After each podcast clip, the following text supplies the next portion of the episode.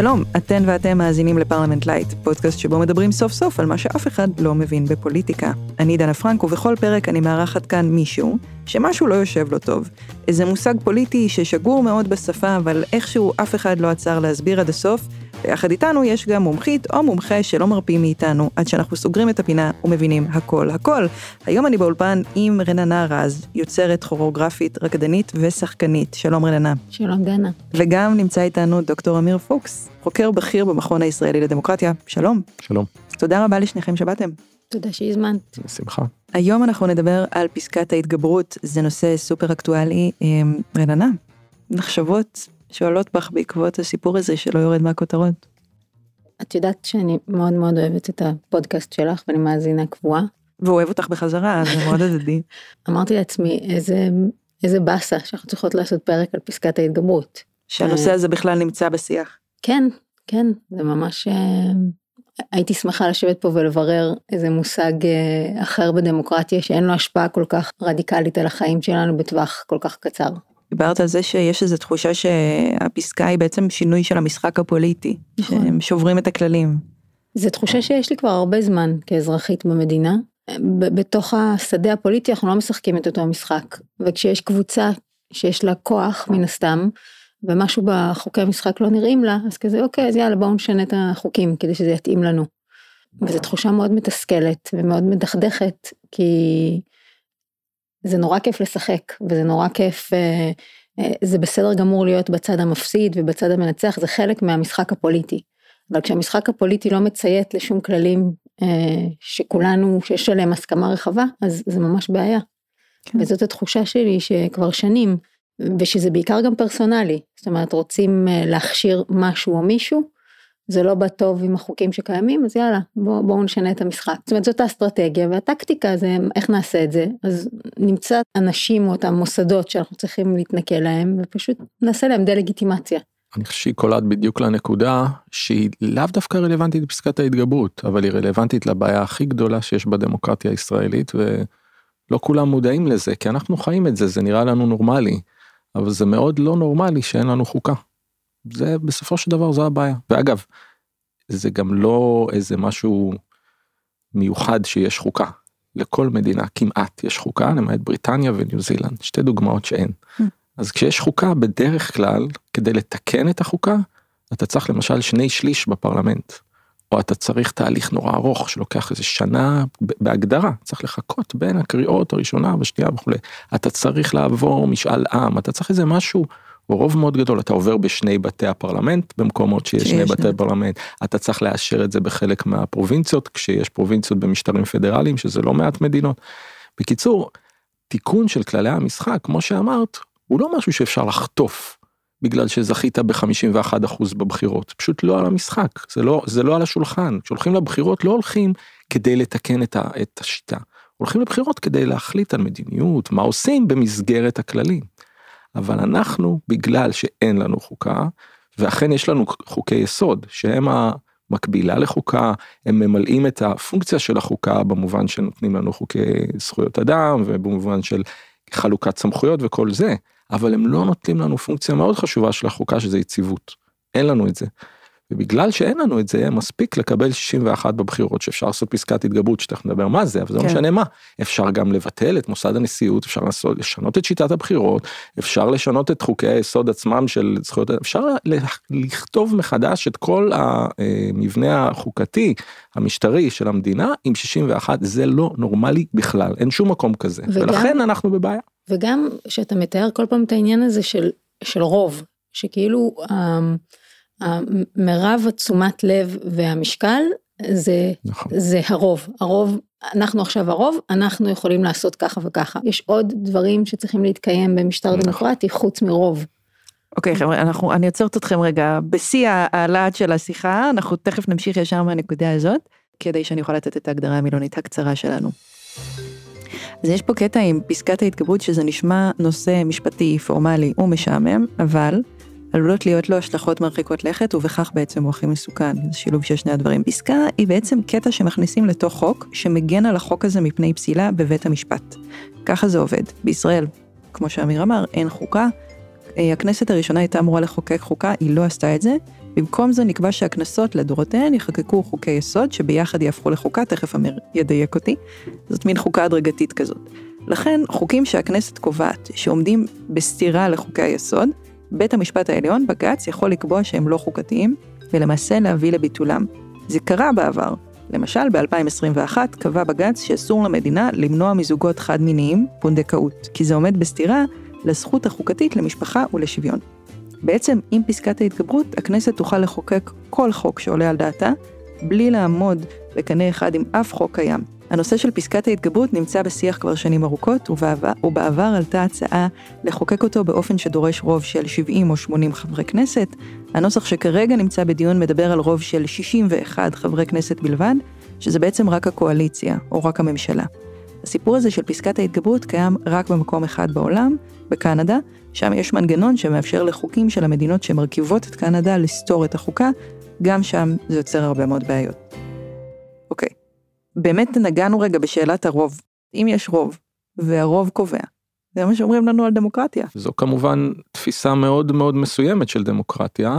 נכון שיש אנשים שמטיפים שצריך להגיע לשם, יש אנשים שרוצים שככה תיראה דמוקרטיה, אבל בשום מקום היא לא ככה. זאת אומרת, אני, אני חושב שגם אנחנו נסכים שאם בדמוקרטיה למשל יחליטו שלמגדר מסוים או לאום מסוים או מוצא מסוים אסור לעלות לאוטובוס או אסור להצביע או אסור לעשות כל דבר אחר זאת אומרת אפליה מובהקת של איזושהי זכות או למשל לא יקבלו קצבאות ילדים מי ששייכים למגזר מסוים לא משנה מה.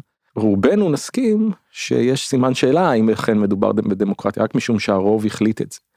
עכשיו אני מסכים שיש אצלנו וחלק גדול מהרפורמות שמתוכננות במערכת המשפט ואחד מהם זה פסקת ההתגברות לצערי זה לא היחיד יש עוד הרבה יש עוד הרבה הצעות.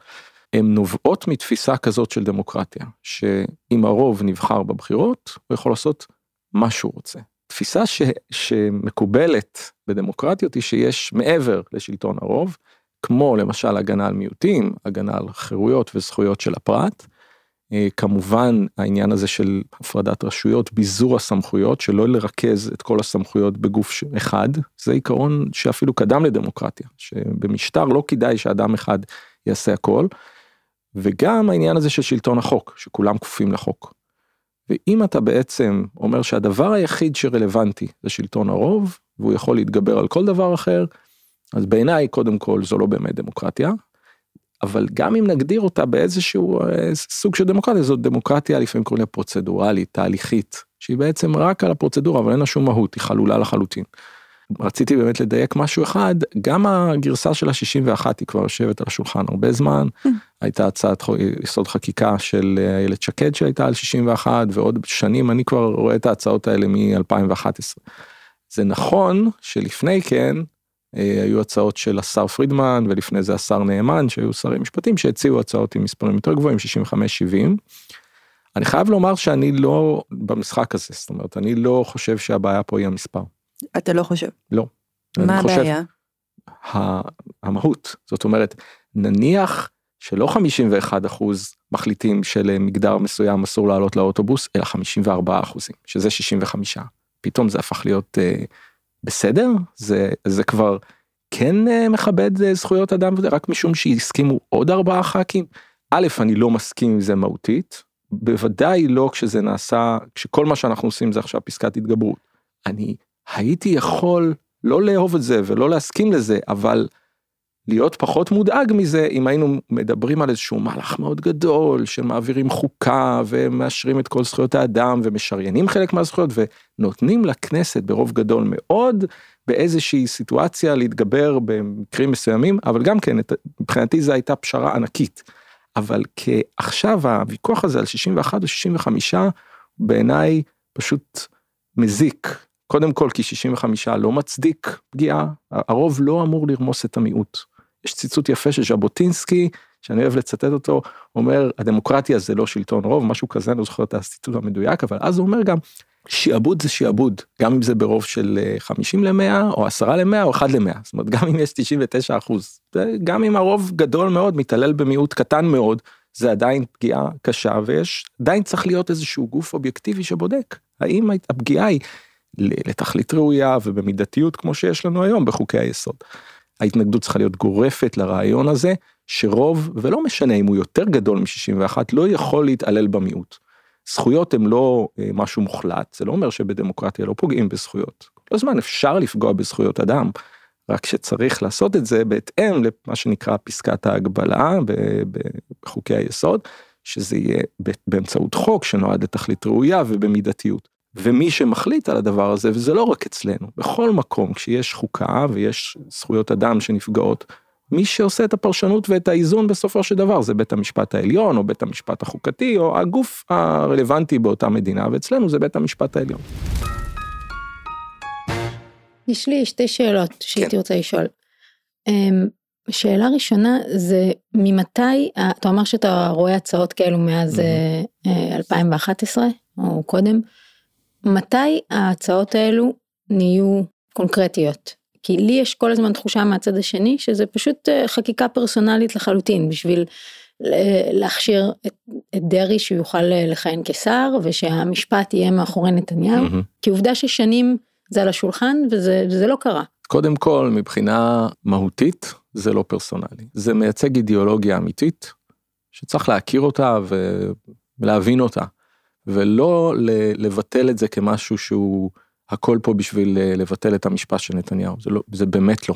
זה היה הרבה לפני המשפט של נתניהו וגם היום האנשים שתומכים בזה חלק גדול מהקואליציה בין אם זה החרדים בין אם זה בציונות הדתית ובין אם זה בליכוד הם באמת תומכים בזה. הם באמת חושבים שלמשל את החוקים שבג"ץ פסל שפגעו קשה באחריות של המסתננים וכולי צריך לחוקק אותם מחדש. זה לא קשור למשפט. הם בוודאי המוטיבציה הכי גדולה של החרדים זה הסיפור של חוקי הגיוס שנפסלו שצריך לחוקק אותם מחדש עניינים של דת ומדינה הלהט"בים מגדר. בדיוק אה, הפרדת נשים וגברים העניין של אה, גיור רפורמי. זה לא המשפט של נתניהו. הבעיה הייתה שהיה קונצנזוס כנגד לזה שהתנגד לזה ותמיד חלק מההתנגדות הייתה גם בתוך הקואליציה זאת אומרת בקואליציה ההיא של 2011 ראש הממשלה עצמו התנגד לזה וזה המובן שכן אפשר לדבר על פרסונלי. נתניהו עצמו ואפשר להביא ציטוטים מאוד יפים שלו אומר אנחנו נשמור על עצמאות מערכת המשפט זה הדבר הכי חשוב בדמוקרטיה ואין חופש ללא בית משפט עצמאי ואני אוריד את כל ההצעות האלה וזה והוא אכן הוריד אותם. צריך לומר לא רק הוא היו אז שרים בממשלה שלו דן מרידור ומיקי איתן ובני בגין ויו"ר הכנסת היה רובי ריבלין והליכוד עצמו היה בו חלק גדול שמאוד מאוד הגן על העניין הזה של בית המשפט וזה בהתאם גם למסורת אה, של בגין וז'בוטינסקי ובכלל הליכודים קוראים את חוקת הליכוד זה מפלגה ליברלית. אז הם עצמם לא תמכו בזה זה היו כמה ספסלים אחוריים בליכוד ומפלגות אחרות. המהפך אה, הופיע בערך מאזור 2015-16 אצל נתניהו ובעקבותיו יותר ויותר בליכוד יישרו קו איתו. אבל זה לא קרה עד עכשיו כי לא היה רוב בכנסת לזה גם בזמן של הממשלה ההיא ישבו אה, מפלגת כולנו של כחלון והם עוד בהסכם הקואליציוני אמרו שהם מטילים וטו על פסקת ההתגברות וכל פגיעה בעצמאות בית המשפט ולכן זה לא עבר בממשלה ההיא ומאז שהממשלה ההיא נפלה לא הייתה ממשלה שיכלה לעשות משהו היו ממשלות מעבר ואחרי זה ממשלה פריטטית עם גנץ שאבי ניסנקרון היה אה, שר המשפטים והממשלה האחרונה שלחלוטין התנגדה לזה גם אם לא הורידה את זה מהשולחן זאת אומרת גדעון סער הקים איזושהי ועדה שתנסח חוק יסוד חקיקה שבין השאר הוא רצה שתהיה שם פסקת התגברות אבל זה היה אמור להיות בחלק מהאיזונים ולנסות להסכים על איזשהו רוב ולא הצליחו. זאת אומרת היה ברור שזה לא יקרה כי היה קשה להסכים בין איילת שקד ובין אה, מרץ והעבודה אז לא היה סיכוי שזה יעבור אבל זאת אומרת לא היה רוב פוליטי בכנסת שתומך בזה ועכשיו יש.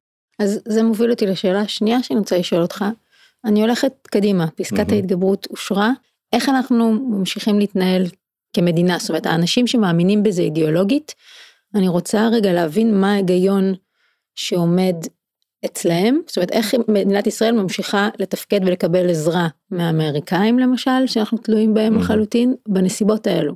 אז יש פה בעצם שתי שאלות, אחד זה מה קורה כאילו ביום שאחרי פסקת. ההתגברות מבחינתנו, והשני זה מה קורה מבחינת המעמד שלנו בעולם. אוקיי. Okay. אז מבחינתנו קודם כל אני חייב לומר שאני לא חושב שיקרו דברים נורא דרמטיים. אתה לא חושב? לא. מעניין. אני, אני, אני עדיין חושב כמובן קודם כל שזה ההגדרה של מה זה נורא דרמטי, אבל אני לא חושב שאנחנו נהפוך להיות מדינת הלכה, ואני לא חושב, כל הפחדים הכי גדולים הם לא יקרו ובטח לא מיד. פוליטיקאים יודעים שלא כדאי לעשות דברים שיפגעו ממש קשה בחופש של כל אחד מאיתנו, כי בכל זאת הם כן דואגים למה הציבור חושב, גם אם יש להם רוב בכנסת, הם לא רוצים שיהיה פתאום 70 אחוז, 80 אחוז התנגדות לממשלה. אז הדברים שיקרו זה קודם כל החוקים שנפסלו בשנים האחרונות יחוקקו מחדש, זה חוק הגיוס, כמו שאמרתי, חוקים שמטפלים במסתננים, החוק חוקים, הצרפתי, חוקים שקשורים דת ומדינה, החוק הצרפתי לא צריך את uh, פסקת ההתגברות כי הוא ממילא חוק יסוד כשלעצמו. פסקת ההתגברות כמו שאמרת נכון היא אפשרות לחוקק חוק רגיל למרות שהוא סותר חוק יסוד ואז יהיה כתוב בו שם שהוא חל על אף האמור בחוק היסוד. תיקונים כמו התיקון של חוק אה, יסוד הממשלה שזה החוק הצרפתי או תיקונים כאלה של השיטה של חוקי יסוד תמיד אפשר היה לעשות וימשיכו לעשות אותם. לכן גם יכולה לעלות השאלה אז מה זה כבר משנה אם הם יכלו לשנות את חוקי היסוד. כי יש מחיר ציבורי לשינוי של חוק יסוד למשל של זכויות אדם להגיד הממשלה החליטה למחוק את כבוד האדם מחוק יסוד כבוד האדם וחירותו הם לא רוצים כזאת כותרת והם גם באמת לא רוצים את זה גם לא לשדר את זה לעולם וכולי הם מעדיפים שבחוק של המסתננים יהיה כתוב איזה משפט שהוא חל על אף האמור בחוק יסוד כבוד האדם וחירותו זה הרבה יותר קל למכור את זה. לכן זה סוג של ללכת בלי ולהרגיש עם. אתה כאילו עם חוקה עם זכויות אדם בטח יש לנו זכויות אדם אבל כשבא לנו אנחנו מתגברים עליהם. אז אני לא חושב שהחיים שלנו השתנו מיד אחרי. אבל, אבל זה אנחנו משהו כן- די, די עצוב מה שאתה אומר עכשיו, כן. כי כרגע למשל חיים של מסתננים הולכים להשתנות באופן דרמטי, אז בעצם אתה אומר מי שפריבילגי ושבע הוא לא ייפגע מזה נכון, בשלב הראשון, נכון. אבל המוחלשים אה, ברור בדיוק, שהם ייפגעו מזה. בדיוק לכן אני מתכוון בוודאי שזה אה, שזו פגיעה קשה מאוד אבל שאלת אותי איך תיראה המדינה ביום שאחרי היא לא מיד תיראה שונה היא לא מיד תיראה שונה בסופו של דבר זה יעשו את זה יעשו שינויים קטנים דברים שאנחנו הרי בסופו של דבר גם ככה בית המשפט כמו שאמרת פסל 22 חוקים ב-30 שנה כן, זה לא שבית המשפט פוסל חוק כל חודש ואז צריך לחוקק אותו מחדש. אבל having said that, למרות שאמרתי את זה, צריך לזכור שהאיום הזה שבית משפט יכול לפסול חוקים, יושב להם כל הזמן בראש. ובניגוד לתפיסות שיש לפעמים של מחוקקים ושל הכנסת, זה לא נכון שהם מחוקקים בכוונה כדי שבג"ץ יפסול. אני שומע הרבה פעמים שאומרים את זה, הם עושים דווקא כי הם רוצים שבג"ץ יפסול, ולא, זה לא נכון. הם כשהם מקשיבים ליועץ המשפטי בוועדה, למשל בוועדת חוקה, והוא אומר להם, על זה אני לא אוכל להגן בבג"ץ, זה לא יעבור בג"ץ, זה לא בגיץ. אז הם חושבים, שוב, מנסים לחוקק מחדש. לא תמיד, לפעמים הם לא, ואז אולי בסוף פוסלים להם, ואולי גם לפעמים לא, בג"ץ הרבה פעמים מאשר המון דברים שאני הייתי רוצה שהוא יפסול. אבל, זאת אומרת, התהליך החוקתי הפנים את זה שיש זכויות אדם, ושלפעמים חוק שאנחנו נחוקק אותו, אם הוא לא מספיק מידתי, ומידתיות זה מושג קצת שאולי צריך להעביר אותו יותר, כן. זה אומר שאתה צריך לא לפגוע יותר ממה שצריך בזכויות אדם. ומה זה יותר ממה שצריך? זאת אומרת, נניח שיש לך אמצעי הרבה פחות פוגעני כדי להשיג את אותה תכלית, אתה חייב להשתמש באמצעי הפחות פוגעני. ואקטיבית אתה צריך לחשוב על אלטרנטיבות ולחפש אותם, וככל שלא ידעו שכל זה, זאת אומרת, שידעו שכבר יש פסקת התגברות, אז אני חושש מאוד שהתהליך בכנסת עלול להיות שונה. זאת אומרת, נניח, שהיועץ המשפטי יגיד, תקשיבו, מה שאתם מציעים, בג"ץ עלול לפסול, הם יגידו, אה באמת? תודה שאמרת לנו, אז נכתוב שם את פסקת ההתגברות כדי שלא יפסול. זאת אומרת, אני לא חושב שבהכרח אנחנו נראה הרבה פעמים שבג"ץ יפסול ויצטרכו לחוקק מחדש, אלא מראש יחוקקו חוקים עם פסקת התגברות, מה שיגרום לפגיעה יותר קשה בזכויות אדם, אבל כאמור, בגלל האפקט ה... שהם לא ירצו לגרום לכולנו אה. להתקומם, אז זה אבל- יהיה בעדינות. אבל זה לא איזשהו מסך עשן, בעצם יש פה אמ, איזשהו קרב בין שתי תפיסות. תפיסה מהמם. אחת שאומרת מעל הכל זה זכויות אדם וכבוד האדם, מהמם. ותפיסה אחת שאומרת לא, המשילות זה מה שהכי חשוב, לנו חשוב לשלוט.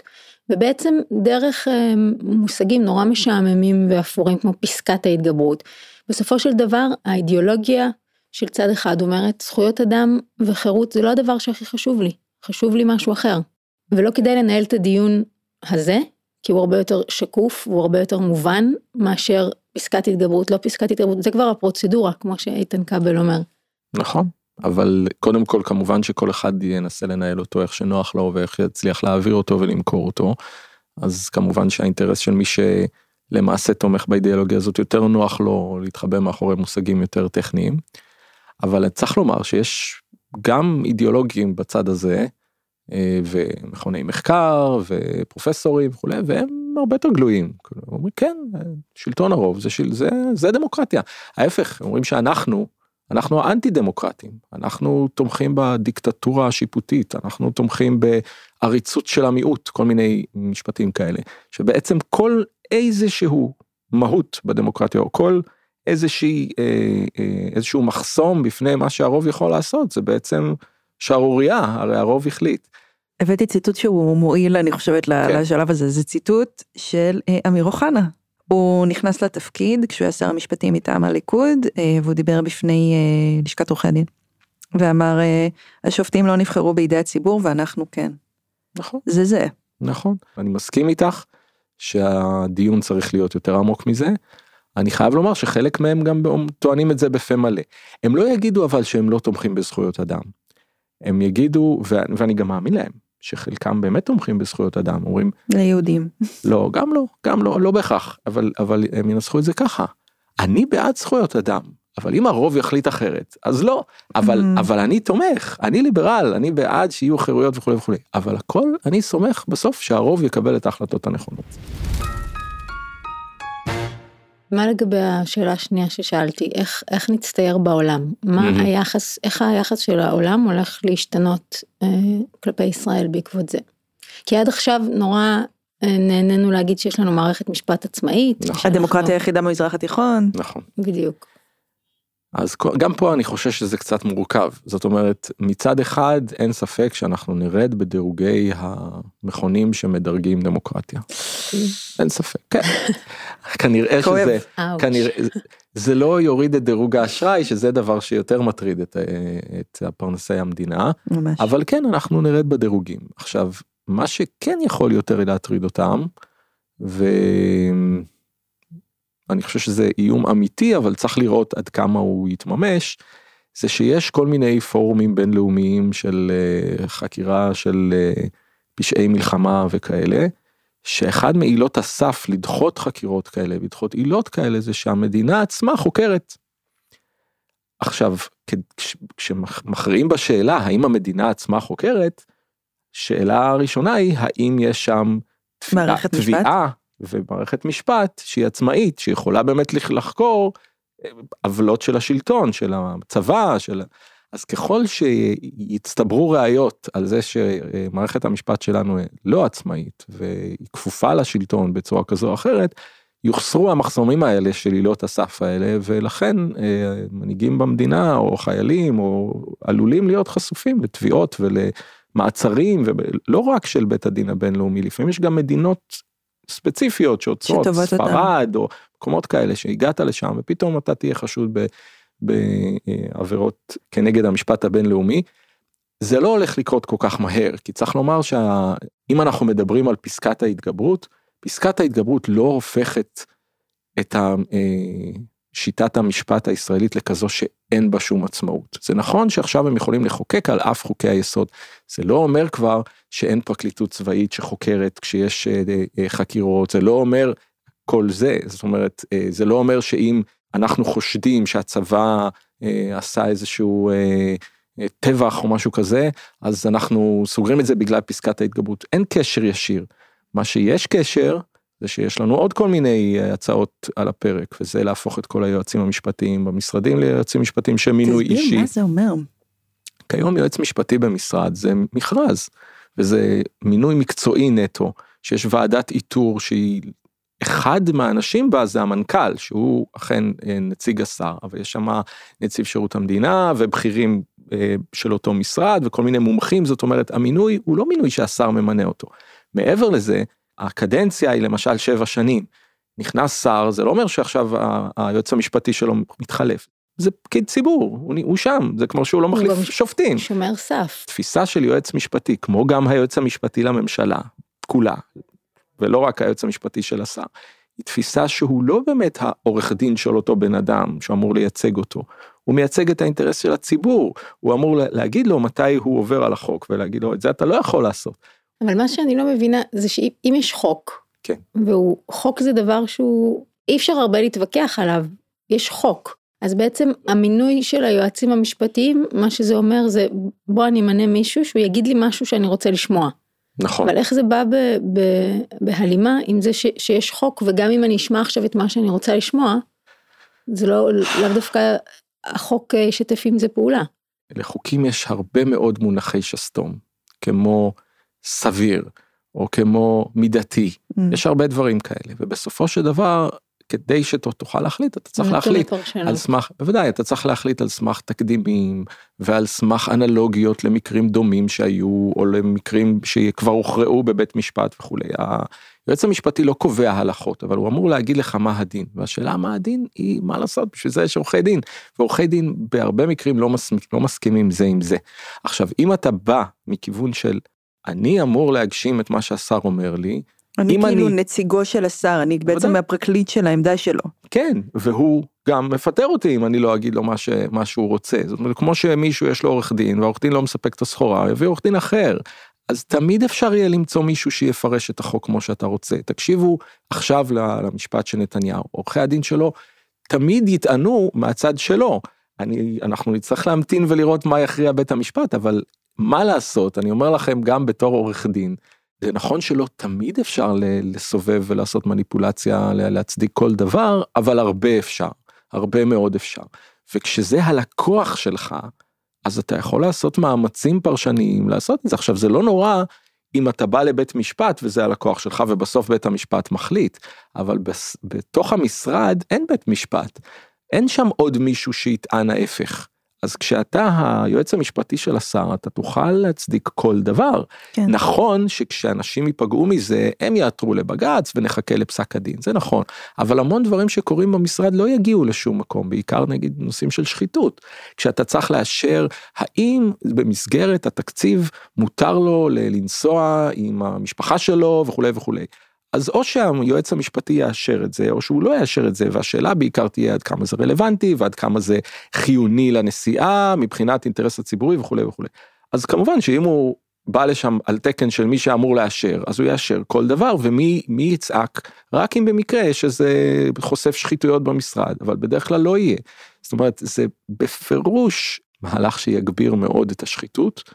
יועצים משפטיים חייבים בעיניי להיות אה, מינוי מקצועי. כנ"ל ולייצג אותנו בעצם. כן, כנ"ל היועץ המשפטי לממשלה, הם, הם כמובן נאחזים במילה יועץ. אם זה יועץ, אז אני מביא את מי שמייעץ, אבל מה לעשות שזה זה מונח, אבל היועץ המשפטי לממשלה הוא לא היועץ של הממשלה, הוא האחראי על אינטרס הציבור והוא זה שקובע לממשלה, הוא אומר לממשלה מה חוקי ומה לא. צריך לומר אבל זה ממש במקרים נדירים, זה קורה כאילו בקדנציה שלמה, בערך פעם או פעמיים שהיועץ המשפטי לממשלה אומר לממשלה את זה אסור לכם לעשות. כי בדרך כלל כן, הם כן מנסים למצוא את הדרך לעמוד בחוק. ל- להגיד לממשלה איך לעשות את מה שהיא רוצה לעשות במסגרת החוק. ו- וגם אם הם חושבים שהיא על הגבול, אז הם אומרים לה, יהיה לנו קשה להגן על זה, אבל הם לא אומרים להם אסור לכם לעשות את זה. זה נדיר מאוד שהם באים ואומרים להם אסור, וגם אז קורה שהממשלה מחליטה לעשות הפוך, אה, למשל בחקיקה, חוק ההסדרה עבר למרות שהיועץ המשפטי לממשלה אמר להם, החוק הזה לא חוקתי. כן. והם חוקקו אותו בכל זאת, בסדר. ואז הוא נפסל בבג"ץ. בג"ץ פסל אותו. כן. אז אגב, החוקים שיהיו בפסקת ההתגברות, גם זה. אז, אז אם אני חוזר ל... אבל עכשיו בג"ץ לא יוכל לפסול. לא. לפי פסקת ההתגברות. יוכל לפסול, אבל אה, הם וואו. יוכלו לחוקק מחדש. אבל זה הופך את בג"ץ ל... לממליץ. לאות מתה, לא? לא מתה, אבל אה, לסוג של המלצה. עכשיו, צריך לזכור שכרגע אנחנו מדברים על אה, העניין של אה, פסילה של חוק, ביקורת חוקתית. זה לא הנפח הגדול של בג"ץ. הנפח הגדול של בג"ץ זה מה שנקרא ביקורת מנהלית, שזה לא בג"ץ כנגד חוק, אלא בג"ץ כנגד פעולה של הממשלה, החלטה של שר, טענה שההחלטה שלו היא לא חוקית, הוא מחוץ לסמכות שלו, אולי הוא פעל בניגוד עניינים, אולי הוא פעל, ומילה שעכשיו נורא שונאים, חוסר סבירות קיצוני. כן. אז את זה פסקת ההתגברות לא, לא מסדרת, אבל גם, עוד פעם, במסגרת הרפורמות רוצים לפגוע גם בזה, בביקורת המינהלית של בג"ץ על החלטות ממשלה. בקיצור, יש הרבה פעולות שהן נוגדות חוק, שיכולות לקרות בממשלה או במשרדי הממשלה, שאין איזשהו נפגע ישיר. אז אתה צריך את המעמד הזה של עותר ציבורי, אז כמובן, גם בזה רוצים לפגוע, ובמובן הזה, זה באמת ישתק את בג"ץ. עוד דבר, ואם אני, אני סוגר את הפינה הזאת ש, שאני התחלתי בה עם העניין הזה של אה, ביקורת בינלאומית, רוצים לשנות את הדרך שבה מתמנים השופטים, כך שהם יהיו מינוי פוליטי לחלוטין. איזה יופי. זה כבר יהיה מצב שיכול להביא, וגם פשוט אפשר יהיה להביא הוכחות לזה, יכול להיות שיהיו הוכחות לזה, שהחקירות והשיפוט בבתי משפט אה, הוא לא מספיק עצמאי, ונניח שיש אה, בית משפט שפוסק בניגוד למה שהממשלה רוצה, אז אפשר להתגבר, או שאפשר לפטר שופטים וכולי. אז זה מצב שעלול לסכן את אנשי הצבא שלנו מבחינת חקירות בינלאומיות. ועד כמה אנחנו קרובים לזה? אנחנו עדיין לא קרובים לזה. חשוב לשים על השולחן, פסקת ההתגברות זה היסודות. זה יסודות למבנה מאוד מאוד מסוכן, שהופך את הדמוקרטיה שלנו לחלולה, שהופך אותה לדמוקרטיה שמאפשרת לרוב להתעלל במיעוט ובפרט. אה, אבל יש, יש עוד עבודה כדי שנגיע למצב שבו אה, יגידו שאין לנו מערכת משפט עצמאית, אבל זה דברים כאלה הם אה, ברגע שאתה, ש, ש, שזה קורה קשה מאוד לגלגל את הגלגל חזרה אחורה. העובדה היא שעד שנת 92 לא נחקקו חוקי יסוד שנתנו זכויות אדם בישראל. זה מטורף. כן, לא היו זכויות אדם בחוקי יסוד. אגב, היו זכויות אדם שהיו נטו פסיקה של בית משפט. זאת אומרת, בית המשפט, בפסק הדין המפורסם כל העם, שאמר שאסור לסגור עיתון ככה בלי סכנה ברורה ומיידית וכולי, לא נסתמך על שום חוק יסוד, הוא הסתמך על פרשנות של, של החוק שמאפשר סגירת עיתון, שהיא הייתה פרשנות מאוד מצמצמת לסמכות שיש שם, על סמך זה שאנחנו דמוקרטיה ועל סמך מגילת העצמאות, אבל לא על סמך איזשהו חוק יסוד, חוקה, משהו פורמלי, אבל למה אני אומר את זה? כי אם אנחנו עכשיו מעבירים פסקת התגברות, יהיה מאוד קשה למצוא רוב בהמשך שיוותר על זה. כן. כשאתה נותן למישהו, ובמקרה הזה לכנסת ולקואליציה, כוח מוחלט, יהיה קשה מאוד לגרום לגוף הזה לוותר עליו. ולכן זה בדרך כלל בכיוון אחד. אפשר לקוות שאולי המטוטלת תחזור חזרה, אה, אבל כשלגוף מסוים יש כוח אה, מוחלט, קשה לו לוותר עליו. אני אבל קצת מבולבלת, כי מצד אחד אתה אומר, לא הרבה ישתנה פה אחרי פסקת ההתגברות, בטח שלא לא, לא בטווח לא הקצר, כן. לא מיד. מצד שני אתה אומר תהליכים כאלו כשהם קורים מאוד קשה לגלגל אותם אחורה ולחזור אז איך איפה אני בתור אזרחית שרוצה לחיות במדינה דמוקרטית חזקה איפה זה נקודה שאני אומרת פה צריך לצאת למאבק כדי למנוע את הדבר הזה. זאת הנקודה. פשוט מאוד כי אחר כך יהיה עוד יותר ויותר קשה. זאת אומרת אה, המאבק שצריך למנוע את, ה, את הדבר הזה הוא היום. אם את שואלת אותי כן עכשיו ככל שיוחלשו שומרי הסף, יתחלפו, אני לא אתפלא, אני מקווה מאוד שלא, אבל אני לא אתפלא אם באיזשהו שלב היועצת המשפטית לממשלה תתפטר, או ייקחו ממנה חלק מהסמכויות. יש עוד דבר, אנחנו לא מצליחים להגיע לכל הדברים. אחד הרעיונות הוא לפצל את הסמכות של היועץ המשפטי לממשלה, שזה לא רעיון נוראי כשלעצמו. הוא יש לו היגיון ורציונל, אבל כשעושים את זה בסיטואציה הזאת, זה כדי לקחת ממנה את הסמכות של התובע הכללי, למנות מישהו אחר שיהיה התובע הכללי, והפלא ופלא התובע הכללי הזה יראה אחרת את המשפט של נתניהו, אבל בלי קשר הוא גם יהיה כפוף לשלטון, אז ככל שאנחנו מחכים, יהיה פחות כוח לכל מיני אה, גורמים לגבות את העניין הזה, או, או להגן על זכויות של אה, מפגינים, או לא יודע מה, אה, וככל שההידרדרות קורית, אז יהיה יותר קשה, אני חושב, אה, לגייס לה תמיכה. אז אם את שואלת איפה הנקודה, הנקודה היא עכשיו. אזרחים בדמוקרטיה זה לא באמת רק בחירות פעם בכמה שנים, צריכים להשמיע את הקול שלהם. מחאות, בהפגנות, בלדרבן את הנציגים שלהם בכנסת ובתקשורת, למחות. נכון שזה תמיד נשמע לנו כאילו לא משנה, יש רוב בכנסת, הם יעשו מה שהם רוצים, אבל זה לא נכון. במובן הזה אני חושב שהם כן יש חשש בקואליציה מפני מחאה ציבורית רחבה, וככל שהיא תהיה, אני לא אומר שזה לא יקרה בכלל, אבל יכול להיות שזה ירוכך, יכול להיות שישתמשו בזה פחות בפסקת ההתגברות. יהיה להם אינטרס להראות שאוקיי, העברנו אותה, אבל אנחנו משתמשים בה במשורה, בעדינות, יהיה להם אינטרס להראות כזה דבר. זה גם יותר יחזק את, גור, את גורמי שומרי הסף, את בית המשפט עצמו. יש נקודה שלא דיברנו עליה, והיא אה, נקודה שבשנים האחרונות במשפט החוקתי היא גולת הכותרת, וזה, אם, אם, אם הסתבכנו עד עכשיו אז אולי זה יישמע לך עוד יותר טכני ו, ומשעמם, זה נקרא התיקון החוקתי שאיננו חוקתי. מה זה? בית המשפט עוד לפני הרבה שנים אמר, נניח שיבוא פעם חוק יסוד, לא חוק רגיל, חוק רגיל אנחנו כבר יודעים שאפשר לפסול אותו אם הוא סותר חוק יסוד, אבל נניח שמגיע חוק יסוד שפוגע קשות בדמוקרטיה, זאת אומרת, מבטל את הדמוקרטיה. אז מה, אני לא יכול לעשות כלום? אז בית המשפט אמר, במקרים כאלה אולי אנחנו פעם נבטל חוק יסוד. ואולי שמתם לב שלפני כמה שנים היה דיון ממש רציני למשל על חוק הלאום, שהוא חוק יסוד, וזה עלה לבג"ץ. בג"ץ לא פסל אותו, אבל הוא כן דן בו לגופו, כי הייתה הנחה של חלק מהשופטים, לא כולם, שככל שחוק הלאום הוא איזה שבר אדיר בדמוקרטיה, מותר לבטל אותו.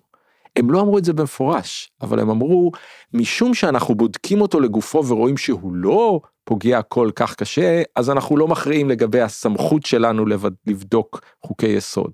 בתיאוריה, ככל שהצטברו מספיק תיקוני חוקי יסוד, שיורדים לשורש של הדמוקרטיה, ואם אנחנו כציבור גם נשדר את זה, שזה מבחינתנו ציפור הנפש שלנו, זה ייתן גם יותר ביטחון לשופטים, ואז מה יקרה, פה זה כבר יהיה באמת עד כמה ייתכן שאנחנו נגיע למין שואו דאון כזה שהמשטרה והפרקליטות ויצטרכו להחליט אם הם מצייתים לכנסת או לבית, או לבית המשפט. או שהכנסת תגיד אוקיי אני מקבל את התיקון החוקתי הזה אני אוותר עליו. יכול להיות שיקרה מצב כזה או שבאמת נגיע לסוג של מלחמת אזרחים. אני מאוד מקווה שלא אבל אני אומר אם אנחנו רק נשב ונראה חדשות אז כל זה סביר שלא יקרה, אלא שפשוט הכל יעבור לו בשלום.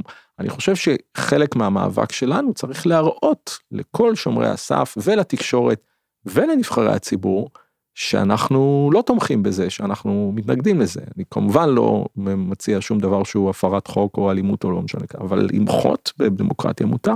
בינתיים. רננה, את רוצה להגיד משהו לסיום? הייתה לי רק שאלה כזאת היא מאוד... אפילו לא אליך כאיש מקצוע, אלא כאדם. המשפט של אסתר חיות, שהיא אמרה, המבצר עוד לא נפל, כזה מהדהד, ואני תוהה כאילו אם לפני שהיא נרדמת, זה משהו שכזה... חושבת עליו. אסתר, אם את שומעת את זה, תכתבי לנו. בדיוק, אנחנו רוצים לארח אותה. רננה רוצה לדעת, כן. אני מאוד אשמח לארח אותה. אני רוצה שאני אענה על זה? מעניין אותי, מה אתה חושב? אני ממש לא יודע מה עובר לאסתר חיות בראש, אני אומר לך מה עובר לי בראש. אני חושב, וכתבתי את זה גם לפני פסק הדין, שהם טעו. אפשר היה אה, לקבוע לפי הדין אז שאסור להטיל את, אה, את המנדט על נתניהו, אני חושב שזה טעות של בית המשפט, בסדר, אני כמובן מכבד את פסק הדין, וזה כרגע החוק. אבל אה, זה, זה הפרשנות המוסמכת של בית המשפט לחוק, אבל אני חושב שהם עשו טעות. וזה מדהים שאתה מקבל את פסק הדין ולא במקביל קורא לחוסר לגיטימציה של בית המשפט. יש המון פסקי דין שאני לא מסכים איתם, זה לא אומר שצריך לשפוך את התינוק כן. עם המים ושלא יהיה בית משפט. צריך בית משפט שאני לפעמים מסכים איתו, לפעמים לא אסכים איתו. כן. אפשר היה להכריע אה, שאסור להטיל את, אה, את המנדט על נתניהו. אה, אני חושש שהם פשוט מאוד חששו מהתגובה הציבורית וכולי, אבל ועכשיו אנחנו בסיטואציה שכבר ממילא יקרו דברים לא טובים, לא לבית המשפט ולא לציבור. ואפשר היה למנוע אותם. בנימה אופטימית זו, אה, תודה רבה אמיר, תודה רבה רננה, אה, להתראה בהפגנות. תודה רבה שהאזנתם לפרלמנט לייט, אני דנה פרנק, ערכתי והגשתי את הפרק הזה, את הפרויקט מפיקה מור אזולאי, עורך הסאונד שלנו הוא אסף רפפורט, הקלטנו באולפני הנובה עם טכנאי הקלטה שמעון טל.